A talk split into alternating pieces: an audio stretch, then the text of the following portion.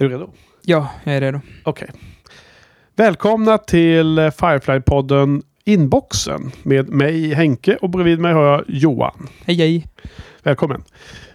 Så nu sitter vi här alltså precis efter det tredje avsnittet har släppts ut och eh, vi är nu eh, redo att eh, kommentera och besvara och fundera på de två första avsnittens eh, kommentarer som vi har fått in på vår hemsida. Mm. Och den är, är ju på shinypodden.se och eh, den här femte säsongen då som vi som undernamnet är Firefly-podden.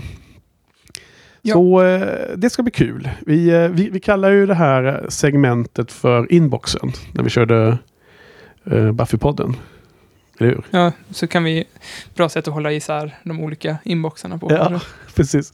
Så nu är det inboxen som gör eh, eh, återentré i eh, vår, vår poddning. Eh, och på den, på den tiden körde vi ju, vi poddade en gång i veckan och publicerade samma vecka. Så då hade vi ju möjlighet att kommentera så live. Men nu, nu kör vi de här lilla extra avsnitten då, som kommer ut på feeden. Mm. Och eh, ja, vi får hoppas att våra lyssnare upptäcker att de här extra avsnitten kommer ut. Men jag tror att det, det Ja, funkar det- va? kommer nog vara svårt att undgå kanske om man prenumererar. Ja, mm, precis. Okej, men du, då ska vi kolla på första, första kommentaren. Eh, vi har en kommentar från Sofie också som eh, eh, hängt med från Buffy-podden och eh, ser om serien nu i samma takt som oss, tror jag i alla fall. Och eh, hon såg den också för ett par år sedan och eh, minns ungefär lika mycket som jag. Och det jag vet inte riktigt ifall jag ska tro på det, för att jag, jag har, ligger i min egna liga när det gäller minne och sånt där. Men ja. Eh, men eh, vi pr- pratas lite grann om att se en serie för fort. Ja, precis. Det hade du också gjort va? Ja, exakt. Det är jättekul eh, att få den här eh, kommentaren från Sofie. Så stort tack. Eh, kul att eh, ha åter, eh, åter lyssnare från Buffy-podden. Men precis som jag då, eh, så hon skriver att eh, man ser ju A-serien väldigt snabbt första gången. Och det var precis vad jag hade för egen erfarenhet. Att efter man hade sett klart det så kändes det ju som att aj då tusan, jag, jag skulle ha liksom tagit mer, sett det mer noggrant liksom och mer eh, eh, i, i långsammare takt och verkligen eh, tagit in alla avsnitten mer noggrant. Men eh, det får man göra i omtittare istället. Eh, så det går väl lika bra det. Men, men det är just den här grejen att se en serie för första gången kan man ju bara göra en gång såklart. Men att se om den kan man ju göra väldigt många gånger. Mm. Det är En sån, eh, en sån eh, liten aspekt att Finns det något extra magiskt i första gången man ser en serie, tänker du? Ja, ja, det finns det ju såklart. Det är en unik upplevelse. Eh, måste man ändå säga. Allting som man eh, ser eller läser eh, eller hör första gången. Eh, för jättelänge sedan, tonåring ungefär, så läste jag mycket science fiction-böcker. Och eh, Mm. Bland annat den här eh, eh, Isaac Asimov som är en klassisk eh, science fiction-författare. Och eh, hans, en av hans kändaste böcker är ju Stiftelsetrilogin. Och i, in, i inledning, vad heter det, innan den, i själva så här förordet heter det ju. Och jag för mig att det var den svenska översättarens förord. Så skriver han någonting om att eh, grattis till er som, som läser boken för första gången. Mm. För liksom den upplevelsen är så unik då. Eh, och ända sedan dess har jag faktiskt tänkt på det. Ja, men att det är helt, helt sant. Liksom, att den där den aspekten eh, glömmer man ibland. Och när, man, när man stöter på saker som man sen kommer gilla väldigt mycket och, och ha väldigt länge en relation till så kan man i efterhand inse att oj då, nu kanske jag hafsade mig igenom den första gången. Så lite den, eh, den känslan. Det känns också Kände jag det, det, kan vara lite olika från verk till verk också. För att typ om man... Se, jag har precis sett eh, Glass av Shyamalan. Ja, hans filmer är ju absolut bäst första gången man ser dem kanske. ja. Och eh, liksom, när jag såg Split, eh, lite blown, he- headblown av att se Split. Och har man inte sett den, och, och den är också, jävla- hans film är så himla lätt att bli spoilad på också. Men jag måste ju säga att Firefly är- var ju noll magi första gången jag såg den. ja. Och den här gången så är det ju betydligt mycket mer magi att se Ja. serien. Och även så här hur mycket man liksom själv värderar, eh, alltså att man, man lägger den tiden. Eh, alltså många serier kanske man har ett väldigt slappt förhållande till. Men så kommer det vissa serier som man bara eh, tänker att man själv ska, ska, nu ska jag investera i den här serien. Jag har ju precis börjat på tredje säsongen av, av um, True Detective. Ja. Och, och det kän, den, den känns ju alltså, alltså, som att det är lite som ett event varje gång man ser ett avsnitt. Och att liksom varje rörelse, varje, mm, kom, det, varje replik, eh, att det är något magiskt i det. Så Jo. kändes inte för säsong två kanske. Nej, men, inte två. men, men, eh, och nu så här, och lyssna på en podd som liksom där de pratar lite om avsnittet och man får grotta ner sig ännu mer i ja, hur är det? saker. Har Joanna Robinson en podd om det här eller? Mm. Mm. Jag lyssnar på ja, nästan hela första avsnittet nu. Ja, när det här kommer ut så är väl True Detective avslutat antar jag. Men Nej, det här vi, vi sitter och pratar nu, det Ja, kommer just ju ut nu alldeles snart om några just dagar. det, så är det. Eh, det kommer ut i veckan nu, på onsdag eller sånt där. Så när det här kommer ut så, i, Så- på onsdag? ja. Jaha. ja, men det är väl, eh, jag tänker att vi släpper ju ut tredje avsnittet på måndagen. Ja. Och sen så får det gå några dagar och sen så kommer inbox ut som Ah, extra. Jag trodde att vi bara skulle pu- pumpa ut det här så fort som möjligt när kommentarerna fortfarande är relevanta. Jo, men eh, okej, men jag får väl... Eh, men eh, tycker du att vi ska lägga ut dem på måndag samma dag då som det kommer ett Nej, annat? ik- avsnitt? Ikväll eller imorgon? Jaha, nej men vi måste ju klippa till alla de här felsägningarna som vi började hela inspelningen med. Ja. Ja, ja. Nej, men det, då är det väl tre avsnitt, ja. fyra avsnitt när det här kommer ut. Ja, jag eh, har ju tänkt att jag skulle vänta med att se True Detective tills eh, hela säsongen är, eh, har, är klar. Så att man kan liksom eh, se den i den takt man själv vill då. Mm. Eh, det, det- så gör jag med de flesta tv-serierna som jag ser. Men det finns ju undantag då som är typ ja, Game of Thrones och Westworld är väl sådana som jag brukar se en gång per vecka.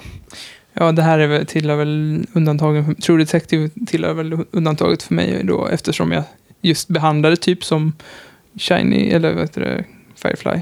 Att mm, man har en vecka på sig att liksom tänka igenom Ja. avsnittet innan nästa avsnitt kommer. Ja, så min, min fråga till dig är, vilket rekommenderar du? Är, den, eh, är det, tycker du att True Detective säsong 3 är så pass, eh, är den värd så att säga att se en gång i veckan och ha, ha den där långsamma tit- tittempo på? Eller är det en, en serie som passar för att se mycket snabbare, lite mer binge-watching? Eh, Ja, men jag, det, det, det, jag vet inte, båda funkar säkert, men jag tycker att det är nice att ha ett litet event i veckan, någonting att liksom nu ska vi titta på, på det här. Jag Ja. tittar på det med Linnea som Ja. jag bor med. Men eh, att, att det är att nice att det här eventet sker, att Mm. alla tittar på det samtidigt och alla diskuterar det samtidigt. Ja. Och, Jo, absolut. När man har den aspekten hela så det, det är mycket därför jag ser eh, Game of Thrones till exempel direkt efter det har kommit. Liksom. mm. Just för att vara i takt med tiden på det sättet. Då. Um, Okej, nej men då kanske, jag måste, då kanske jag ska fundera på att revisit my, my plan så att säga.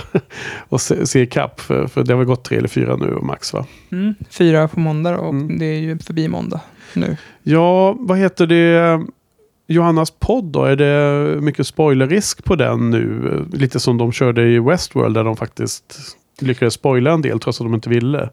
Ja, jag har inte lyssnat så mycket men ja, så de gissar väl säkert lite vem mördaren är och sådär. Så att vill man inte ens höra att folk gissar.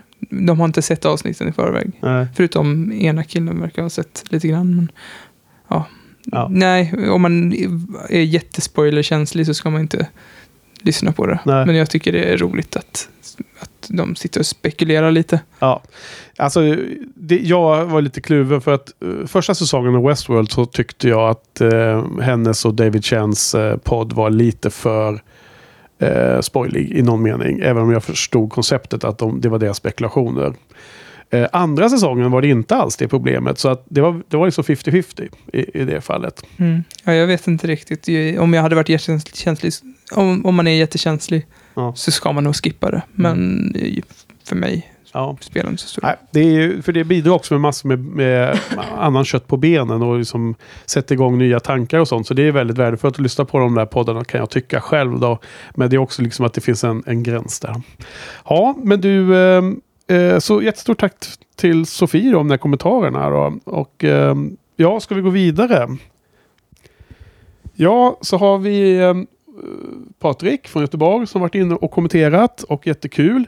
Han eh, tycker också att det är härligt att vi är tillbaka och poddar Johan. Mm. Så jag har fått eh, mycket eh, positiv feedback på, på återkomsten till podd, poddning, poddningen Johan. Skoj. Skoj ja.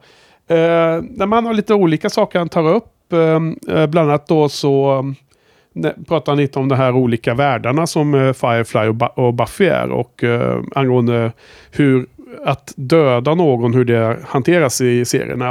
Uh, och det är ju någonting som vi pratade ganska länge om och i, bo i både i första avsnittet och kommer även i andra avsnitt senare i poddningen. Mm. Um, men det var i alla fall kul att se Patriks um, kommentar där. Och han uh, ser, ser dödandet i Firefly-världen som att det är en mer hårdare värld, som jag uppfattar det.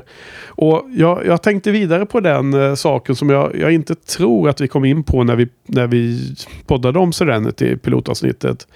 Att en, en annan skillnad som man kan tänka sig är ju att i Buffy så är ju monstren och demonerna som då dödas hela tiden är ju symboler för eh, unga människors ja, rädslor eller ångest eller vardagliga problem. Mm. Och att, att de här demonerna, monstren kan liksom man kan lika gärna se dem som att de bara finns i huvudet på folk. Ja, som en metafor. Ja, metafor. För rädslor, rädslor och ja. sånt. Och att döda dem är ju inget problem. Det är ju snarare något som är bra. Att, att ta, liksom behandla en rädsla och besegra rädslan och ta bort den från mm. sitt.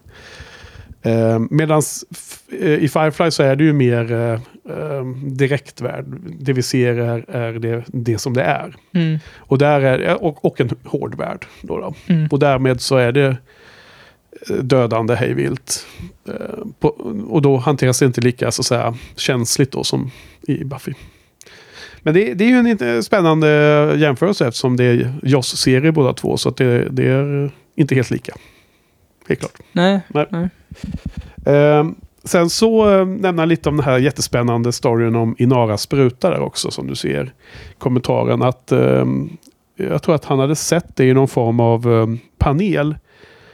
och det finns ju massor med sådana Firefly-paneler från olika, typ Comic Con och Dragon Con och allt vad de heter. Mm. man kan hitta de här på YouTube den här risken man, man, man, sitter och bara tittar på mer och mer och mer. Youtube-hålet. Ja, exakt.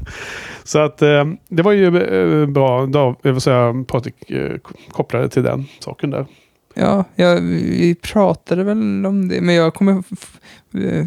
Vi kanske kan kliva bort där, men jag kommer inte riktigt ihåg vad, vad var det som var... Det var, det var två olika scenarion va, kring den här sprutan. Att, att det var två stories kring den. Ett, att det skulle vara en Nej, just det. Nej. Självmordsspruta var fel. Ja. Utan att det var den här hemska... Supermörka, supermörka sprutan. Att hon skulle bli kidnappad eller tagen av... Men också någon tredje om att det hade med hennes sjukdom att göra, eller? Ja, precis. Det var det vi spekulerade i. Men jag, jag tror att det var, det var tidigare spekulationer som fanns bland fans innan. Eh, om det nu var Morena Baccarin som Patrik skriver här va. Eh, ja, oklart vem det var som tog upp det, men att eh, när det kom upp på en panel mm. så, så blev det mer klarlagt vad som var tankarna bakom det hela. Ja, men jag har också märkt att det, det kan råda delade åsikter även kring folk som varit med och gjort serien och att det säkert kan vara så att det, tanken var en från början och sen att den, uh, typ när filmen kom, att den utvecklade, att det blev något annat som de använder sprutan till då. Något sånt där. Mm. Ja, ja. Ja, okej. Okay. Ska vi titta vidare? Alright, eh, Sofia har också skrivit en mega intressant kommentar. Ja, och lång Hon... kommentar. jag tänkte att vi inte skulle säga lång, för det låter så himla tråkigt att säga att den är lång. Jaha, okej. Okay. Ja, nej, men en, en kort kommentar då. Nej men hon, är, hon har ju en sån jäkla analytisk hjärna. Så, ja. Ja. det är ju det är också roligt att se Sofia och Karl som båda två är väldigt smarta människor liksom spraka loss där i kommentarsfälten. Att det är väldigt coolt att se. Mm. Eh, Alla andra också är jättesmarta. Ja. Nej, men det, vi, vi kommer inte kunna kommentera precis allting i, eh, av alla kommentarer. Så då får man gå in och läsa om man vill se alla, alla detaljer. Men, men de, de har någon sån här rå smarthet. Jag, jag vet, jag kan inte. Det är svårt att sitta och recensera. Ja. recensera Ja, det ska man nog hålla sig borta ifrån Ja, Johan. Förlåt, alla är jättesmarta. Ja. Men eh, ja, bland annat så pratar hon lite om eh, Kaylee som hon tycker är väldigt naiv. Eh, speciellt i det här Serenity, då, det Mm. första pilotavsnittet.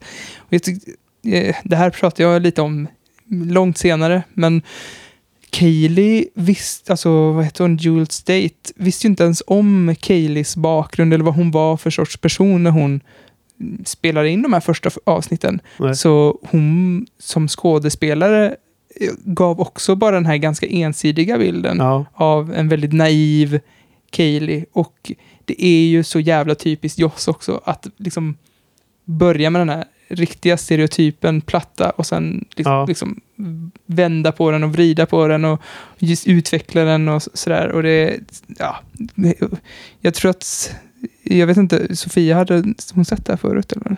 Eh, ja, men det För hennes- tror jag att hon har sett lite, men... För eh, hennes karaktärsutveckling är ju väldigt cool att se och Mm. vi pratar ju om det i senare avsnitt också. Så att, att Vi- Jag gillar ju henne så jäkla mycket mer nu än i de första avsnitten. här. Ja, men precis. Och det, det är jättesvårt att... eh, för mig som har sett serien flera gånger att, att ehm, kunna eh, diskutera en person som man har sett hela den utvecklingen på senare. Ja, men det, alltså det, det gör ju bara... Det känns som att du borde ha, ha ännu mer insikter i det här. Eh, och kunna se så här, ja... Eller du kan se att, att hon är ganska platt i Nej, början. men alltså eller? jag- Trots att du har hennes hela fulla spektrum i ditt huvud. Jo, vad jag menar var att när eh, personer som inte har sett serien tolkar den på olika sätt så, Mm. så får jag ha, mm, ta det mer eh, som eh, ha mer respekt för, för den typen av åsikter. Just givet att man vet att de inte har sett eh, utvecklingen. Mm. Men det är ju väldigt svårt att olära sig det man har lärt sig om en karaktär och strippa ner det till hur man uppfattar det efter bara en, ett eller två avsnitt av allra första tittningen av serien. Så du blev lite provocerad av eh, Sofias kommentarer? Nej, Alltså, nej, nej, utan jag, nej, tvärtom. Utan att, nej, nej, det var inte, det, jag menar tvärtom. Så, då måste jag uttrycka mig väldigt konstigt. Nej, jag menar att det, det är ju, det är ju upp, de tittarna som ser det här eh, tidigt utan att veta var hon hamnar sen. eh, Det är ju deras eh, läsning av rollen som är den rätta. Det är ju den, det är den, den som gäller i början innan man har sett hur utvecklingen Ja. är. Och det, det, eh, det är väldigt svårt att, att skala bort massor med kunskap om en karaktär. Att det är inte omöjligt, men det är i alla fall svårare liksom att Ja, försöka komma ihåg exakt hur man tyckte själv när man Ja, inte men hade sett, sett överhuvudtaget vidare. så tror jag att man uppfattar karaktärer så himla olika Ja. från person till person. Liksom. Och man har olika, även om det är exakt samma person, exakt samma dialog, man har sett på exakt samma avsnitt, så har man olika relation Ja. till karaktärerna. Kanske för liksom att man förknippar dem till egna mm, personer eller erfarenheter och sånt där. Så det, är- ja, det är alltid, alltid svårt att liksom diskutera karaktärer på exakt samma Ja, det, det är väldigt svårt. eh, Det är uppenbart att man läser in väldigt olika saker ibland. Och det, Mm. Det märker man inte för man verkligen bara sig ner i lite djupare diskussioner om film eller tv-serier. Ja. För att om man, om man bara säger eh, som skrapar på ytan så, så kanske man inte upptäcker de nyansskillnader som man har fått från eh, filmerna. Och de nyansskillnaderna kanske kan blottlägga väldigt stora skillnader liksom under ytan som man upptäcker, eh, som man, eh, hur man upplever. Mm. Och jag menar, om vi jämför med Buffy igen då, då eh, där vi har gått hela resan igenom.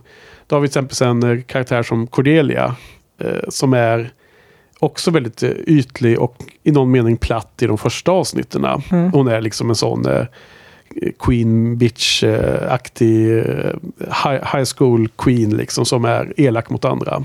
Så jag fick också sitta och bita dig i läppen under de första avsnitten. Ja, men jag misslyckades ju också med att... Eh, jag kommer ihåg att vi pratade om det en bit in i säsong ett. Att jag var lite för överdrivet positiv till henne. Och, och du fattar inte alls varför jag pratade om Cordelia hela tiden.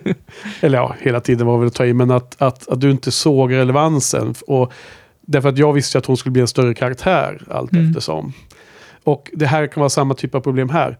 Eh, men, men däremot så, så, så, jag, så därför vill jag, vad jag vill säga då, och prata, försöka prata så i klartext som möjligt, är att ja, jag förstår att hon upplevs, nu är vi åter på Kaylee alltså, Ja. att hon upplevs som naiv och optimistisk.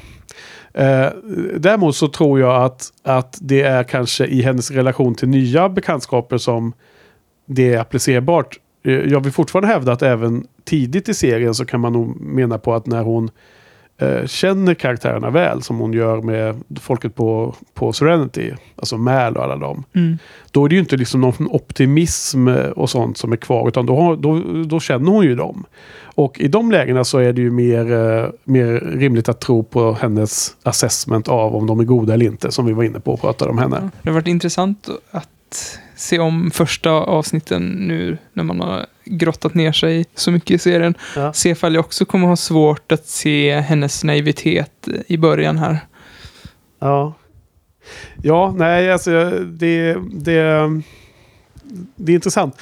Det blir ju en eh, utveckling senare för de lyssnare som inte har eh, sett serien. Då, så får ni lyssna vidare sen. Men i fall, vi, vi kommer väl inte längre i den frågan just nu då.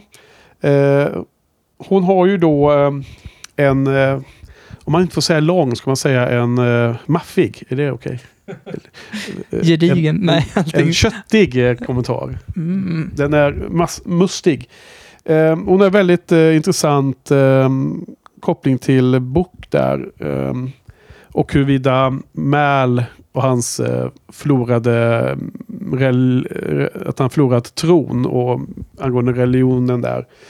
Eh, jag tycker hon har, eh, beskriver det väl så som jag också tänker eh, till stor del att ehm, han, Mal då har, har i första hand kanske ett eh, problem med institutionen och det, det organiserade religionen. Och han har nog inga problem med troende folk lika mycket.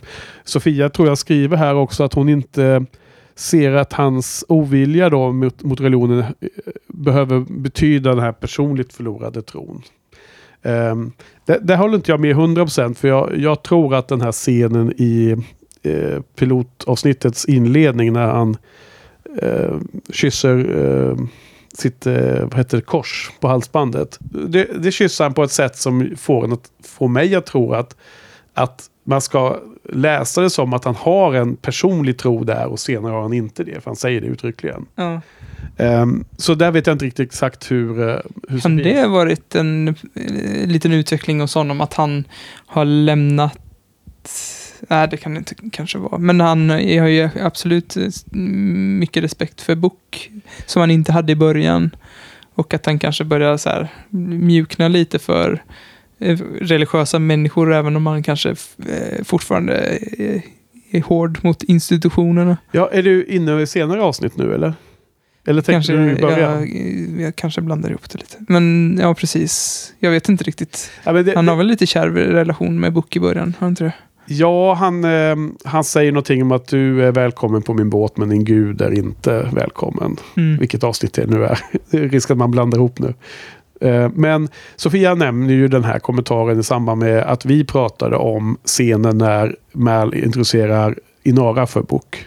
Och det blir en, en awkward situation. Mm. Och där ehm, så gjorde jag någon eh, tolkning om att det skulle kunna vara en, en skavighet i eh, Bock som person.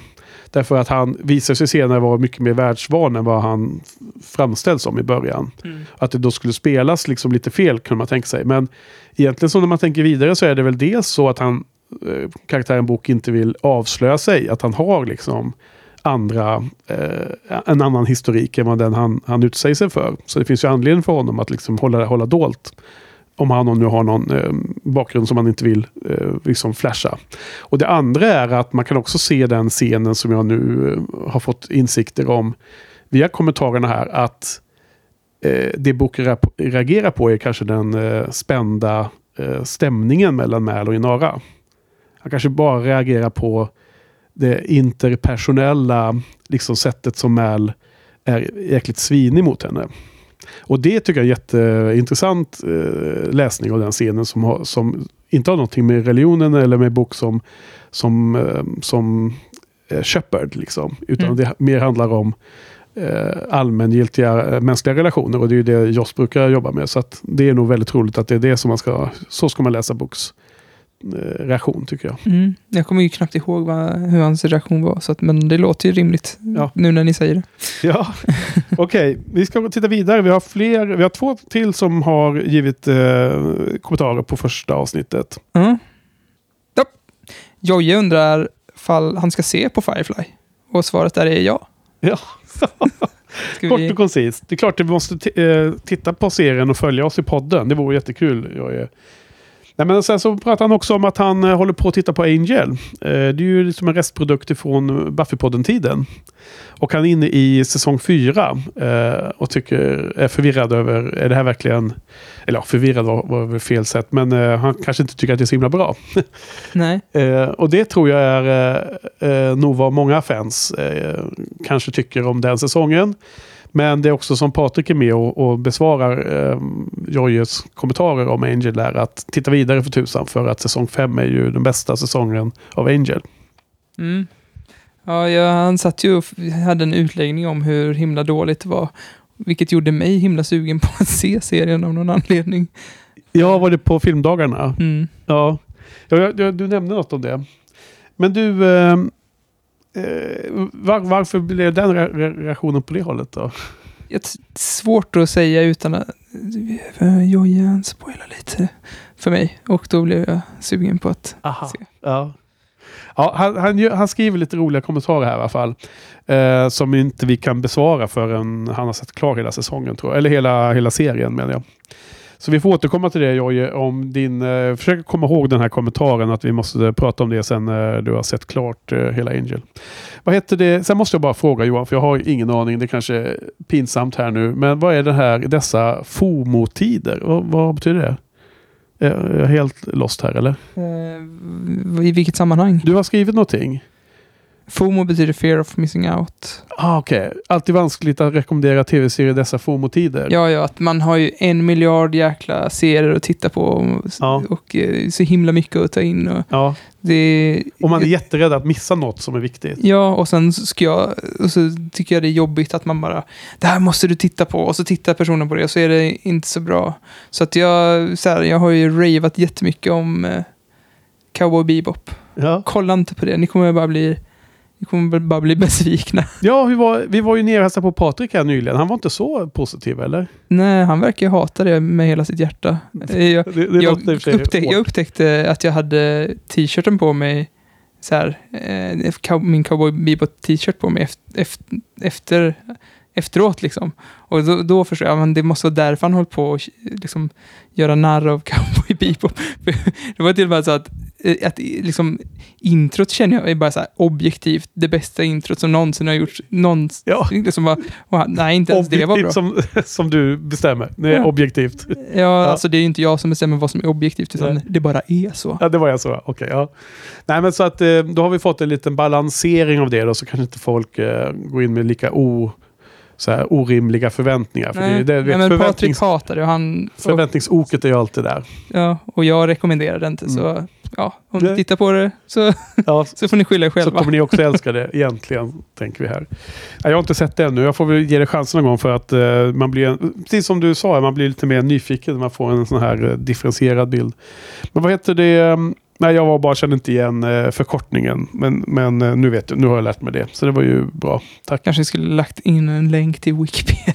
Ja, ja det är klart man kunde ju Nej, söka bara. på det. Det hade jag också klarat av. Men det var mest att jag såg den där meningen nu när vi sitter och tittar här. Det finns ju någon motreaktion till det där FOMO som Mhm. heter eh, Glad to miss out, eller sånt där. Happy to miss out. Ja, ja. Alltså att man, att man sätter lite stolthet i att eh, inte hänga med i de senaste tv-serierna och senaste debatterna och sådär, utan man ja. tar ett kliv tillbaka och liksom Ja, men det, är ju, det är ju det här som vi brukar säga, som vi brukar skämtsamt eh, citera från eh, är det Noah Baumbach-filmen där While We Were Young, när de säger Let's Not Know It. Ja. Eh, när eh, Adam Driver-karaktären säger att eh, sen, sen tiden före eh, smartphones, när man satt på en middag eller när man umgicks med kompisar så kunde man inte googla på allting. Nej. Utan man kanske inte behöver göra det nu heller, även om man kan. Man kanske bara kan Let's Not Know It. Ja. Bara prata med varandra istället för att hela tiden sitta med näsan ner i mobilen och kolla upp eh, fakta och data och Mm. liksom exakt vilket år var det och så här. Ja, Mm. alltså, det ja, jag ska inte grotta ner med det. Ja, men det håller jag helt med om. Ja, Let's not know it. Not know it. Okej. Ja, och sen har vi också en eh, mycket intressant kommentar från Karl.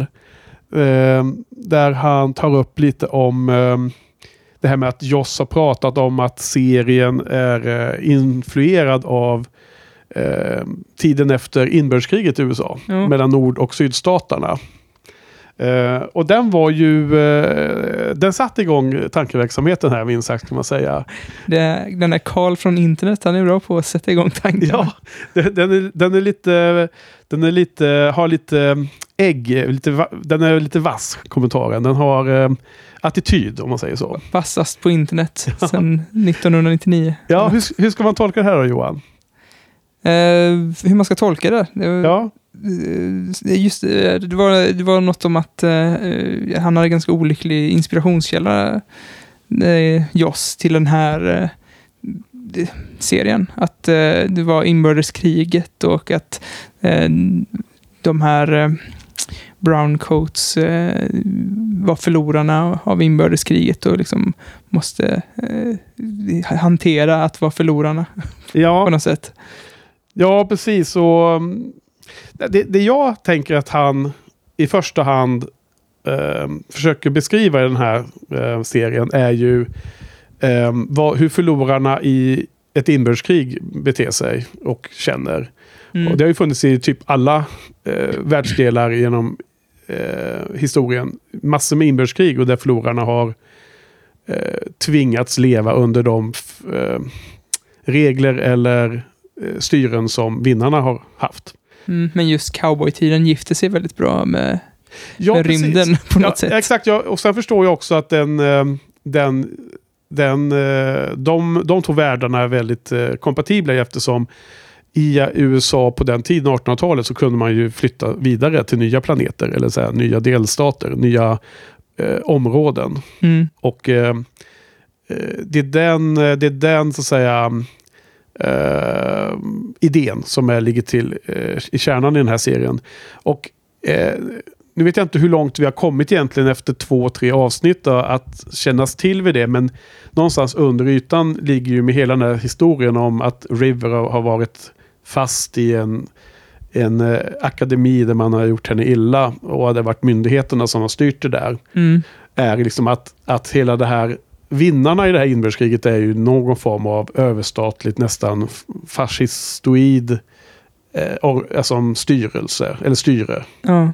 Och det är ju den, eh, det är ju att inte vara under eh, det styret som är den här frihetslängtan som, som beskrivs i serien. ja, precis. Man kan ju också, som Karl har gjort här, fultolka hela den här inspirationskällan och se det som att eh, Joss eh, typ är för slaveri och att han eh, hatar indianer och eh, mycket annat sånt göttigt. Och jag tror att om det om, jag vet inte riktigt eh, fall det är uttalat att eh, antar att det är uttalat att, eller det har vi pratat om, att Joss inspirationskälla faktiskt är det här.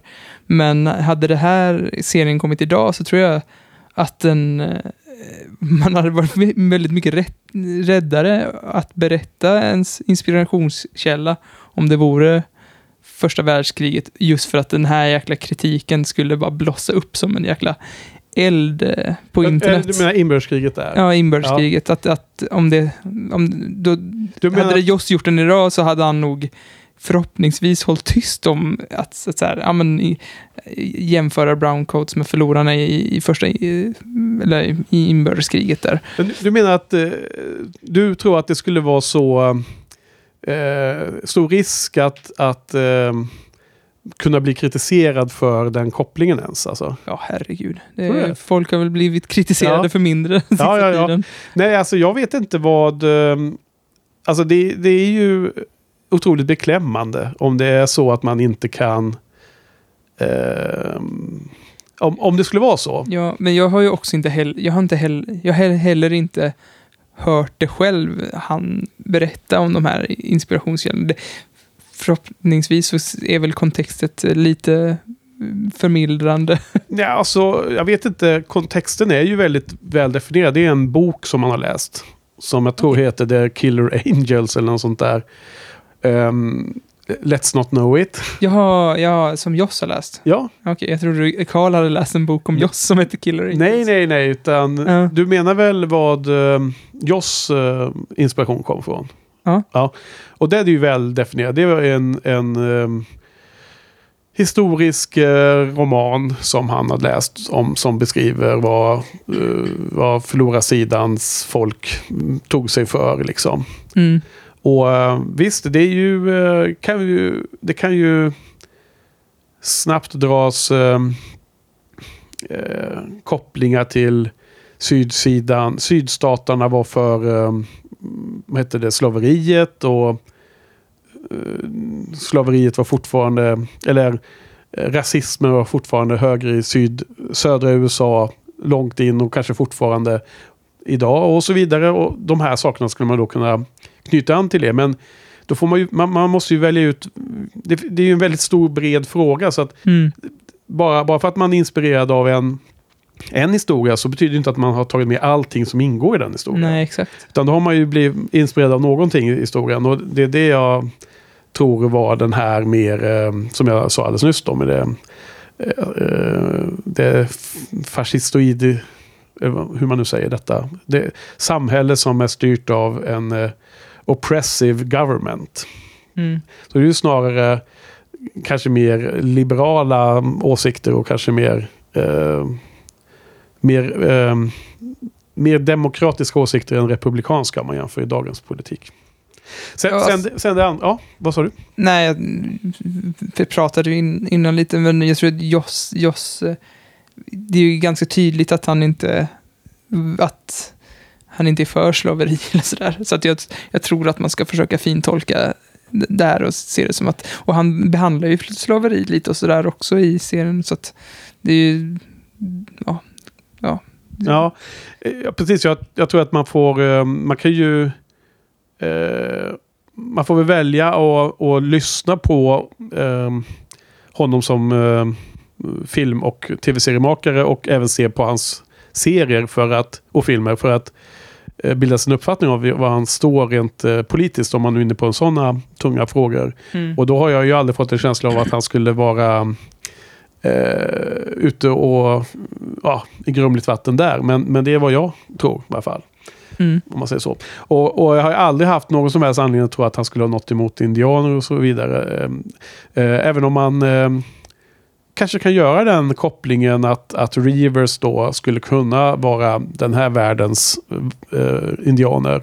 Sy symboliskt för dem då. Eller vara analogin då till, Ja. till dem. Men, antag, antagligen så är det ju bara eh, ett frö liksom och sen har det utvecklats till något helt annat. Den, här världen får väl ses som ganska eh, unik. ja, men och det, Man får läsa det som texten, som, som historierna berättar och inte eh, med hjälp av... Ja, den, man får ta subtexten från avsnitten och inte, inte från eh, grundinspirationskällan till hela serien. Vad heter det? Lite innan här så eh, råkar jag ju spoila lite filmen för dig, tyvärr. Så trots att vi jag hade lovat att inte göra det någon gång tidigare. Ja. Men jag tror att vi, vi kan inte riktigt eh, gå in på detaljerna när det gäller om Reavers och hur, hur, varför de, inte, varför de i mitt, mina ögon inte alls har med någonting som skulle kunna jämföras med indianerna. Eh, finns ju en förklaring till det, men då får man, det får man prata om först efter man sett filmen i så fall. För det är då hela historien är, berättad. ja, nej, det är precis. Det, det känns ju inte så troligt att det är en metafor för indianer, utan att det bara var fröet var indianer och sen har det blivit en egen bäst. eller Man ska säga. Ja, det, det, ja om, det, om nu ens är så. Men det, Men det, det, det, det det, det är skillnad på att ha en inspirationskälla och att ha det som en metafor för Mm. Ja. någonting. Men i vilket fall som helst så är det en intressant eh, kommentar som kommer upp här nu efter ett avsnitt. Och det, då får man ju, det är precis som det här med att tolka Kaylee som hennes karaktär.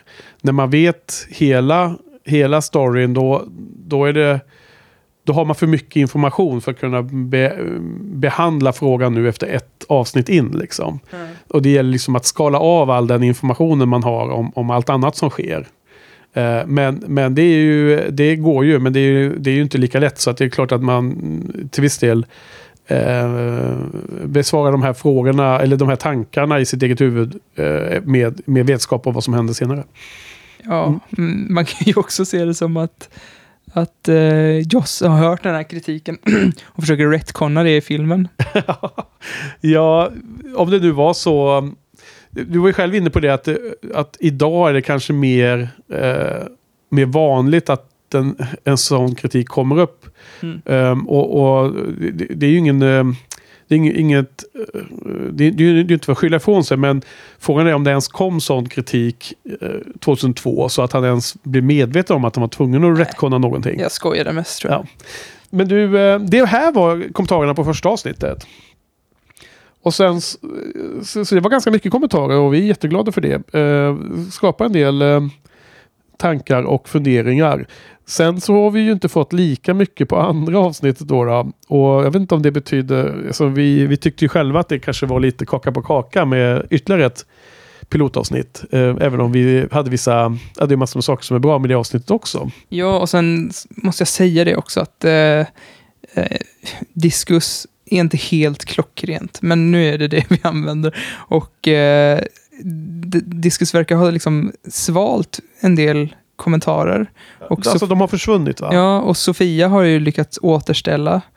Eh, Jag lyckades återställa Sofias kommentar. Men det finns fler kommentarer som jag inte kan återställa. Som den personen som har kommenterat måste gå in och återställa.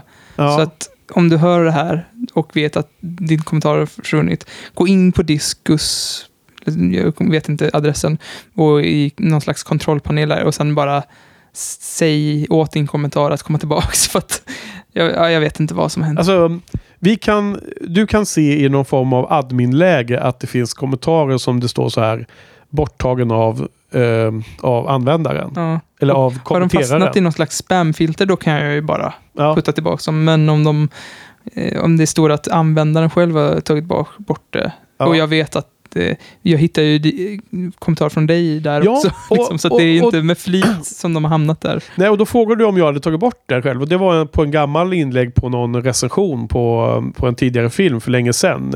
Eh, eh, som inte alls hade med, med podden att göra. Och jag, jag kan inte vara helt hundra på, för det var liksom typ fyra månader sedan. Men jag tror inte att jag har tagit bort min kommentar om den filmen. Då. Eh, A Simple Favor var ju den filmen som vi då pratade om. Eh, så att jag gissar att, att Discus har, har tagit bort den åt mig. På samma sätt som... Diskus är inte känt för att vara helt Nej. stabilt. Så att, Och- Och varför har man det? Är det någonting som man kan ändra eller? Nej, det går inte. eh, jag har ju haft en plan att uppdatera hela sidan jättelänge. Både kommentarer och se till att det har SSL-certifikat och att den är lite snabbare och lite Ja. säkrare. Allt möjligt. Så att det är mitt fel. Allting är mitt fel. Någon gång i framtiden Ja. ska det- detta. Ja, nej, men det är i alla fall Sofia inne och kommenterar på Trainjob och massor med roliga eh, saker här då. då. Ehm, och ehm, ja, vad har vi att säga om det här då? Ehm, hon pratar lite om fightingen. Tycker också att den är lite halvdan. det är någonting som vi också har återkommit till många gånger i, ehm, i podden Johan, så vi kanske får lämna den, ehm, den saken därhän eller? Ja, hon gillade Niklas jingel också. Det var ju roligt att höra. Ja, precis. Ehm, men då den här ehm, western-versionen av den va? Mm, Tolkar jag det som. exakt. Ja. Och den är superhärlig. Det har vi som outro nu. Mm. Mycket bra. Ja. Mm. Det var härligt. Ja. Jag må prata lite om ehm, Hands of Blue också. Och det, och det är klart så fastän att vi också ser att uh, Hands of Blue-snubbarna har på sig sådana här blåa kirurghandskar. Så vi- Vi, vi sa att det var typ specialeffekt. Ja. Ja, alltså. eh, det var säkert jag som förvillade till det, men jag tror att, att vi kom eh, snåra oss in på att, att det hade något med effekter att göra och att det då inte var jättebra gjort. Men, men eh, jag vet inte hur vi hamnade där. Eh, men men det, det blir så. Långa inspelningar, Ja. tankarna flödar åt alla håll och kanter och ibland blir det liksom okonsistent. Men det är klart, jag har alltid sett det som att de har på sig gummihandskar eller tunna, tunna latexhandskar. Ja, men det, det har jag också. Ja, så tack Sofia för att du rätade upp skeppet där lite om vi var ute och cyklade. Jag tycker fortfarande att det ser fruktansvärt ut. Jag tycker fortfarande som att de har gått in i någon slags butik och bara plundrat och bara det här kan vi ha som props, Ja. det här kan vi ha som props. Just det. Och eh, jag är inte så förtjust i propsen i Firefly, men man, man vänjer sig. Och det hade varit coolt, för, det hade jag också sagt, säkert i det avsnittet där vi pratar om att det hade varit coolt för det var så här, riktiga skinnhandskar, custom made för den här serien, med något coolt emblem på. Jo. så där. Det hade varit, Jo, riktigt- ja, precis. Och jag, nu kommer jag ihåg att du var inne på det och pratade mer om. Det var nog kanske jag som fick det till effekt. Men, men alltså, jag tror ändå att Sofia har en poäng där. För hon nämner också att det, det är liksom... Det, det ser så himla crazy ut. Så man får lite sån här... Det blir lite mer eh, eh, terrifying. Alltså det är lite mer skrämmande. Därför att man Mm. undrar varför.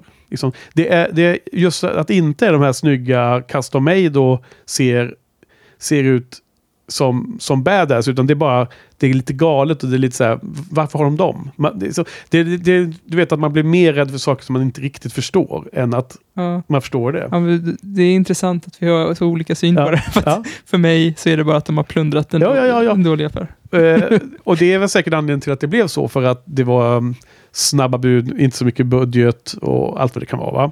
Men jag tycker att den läsningen av dem blir, blir, funkar bra. Och det, det, så där eh, supportar jag helt vad Sofia skrev. Ja, jag önskar jag också hade den Ja. läsningen. Mm. Det hade varit härligt. Så nästa gång vi poddar då ska jag på med sådana här eh, latexhandskar. Får du se hur creepy det känns. Sitta mitt emot någon som har sådana där handskar hela tiden. Spänna blicken i mig och Ja. långsamt dra på dem. Så här. Ja, då har jag i och för sig redan avslöjat mig. Men just det faktum att man inte ens vet varför har den där galningen det, det där på sig. Det, det I är... en poddning också. Man, Ja, i poddning. Det är bara eh, audience of one. Ja. Okej, nej men du. Eh, nu har vi eh, babblat på här om detta. Men vi må- måste i alla fall eh, sammanfatta med att vi är jätteglada för alla kommentarer vi, vi får in. Och det är super nice. mm. Och att det dyker upp lite då och då. Eh, och sen får vi hoppas att de flesta dyker upp där på sajten och inte försvinner in i Discus eh, mystiska värld. Någon slags limbo. Mm. I någon annan dimension. Så um, okej, men du, eh, då är vi klara för idag eller? Med detta lilla extra avsnitt. Tack Henke. Ja, tack eh, Johan. Så tackar vi för oss. Tackar för oss. Tack för oss. Och sen så hörs vi på vanlig, vanligt avsnitt nästa måndag. Adjö. Hej, hej. Bye bye.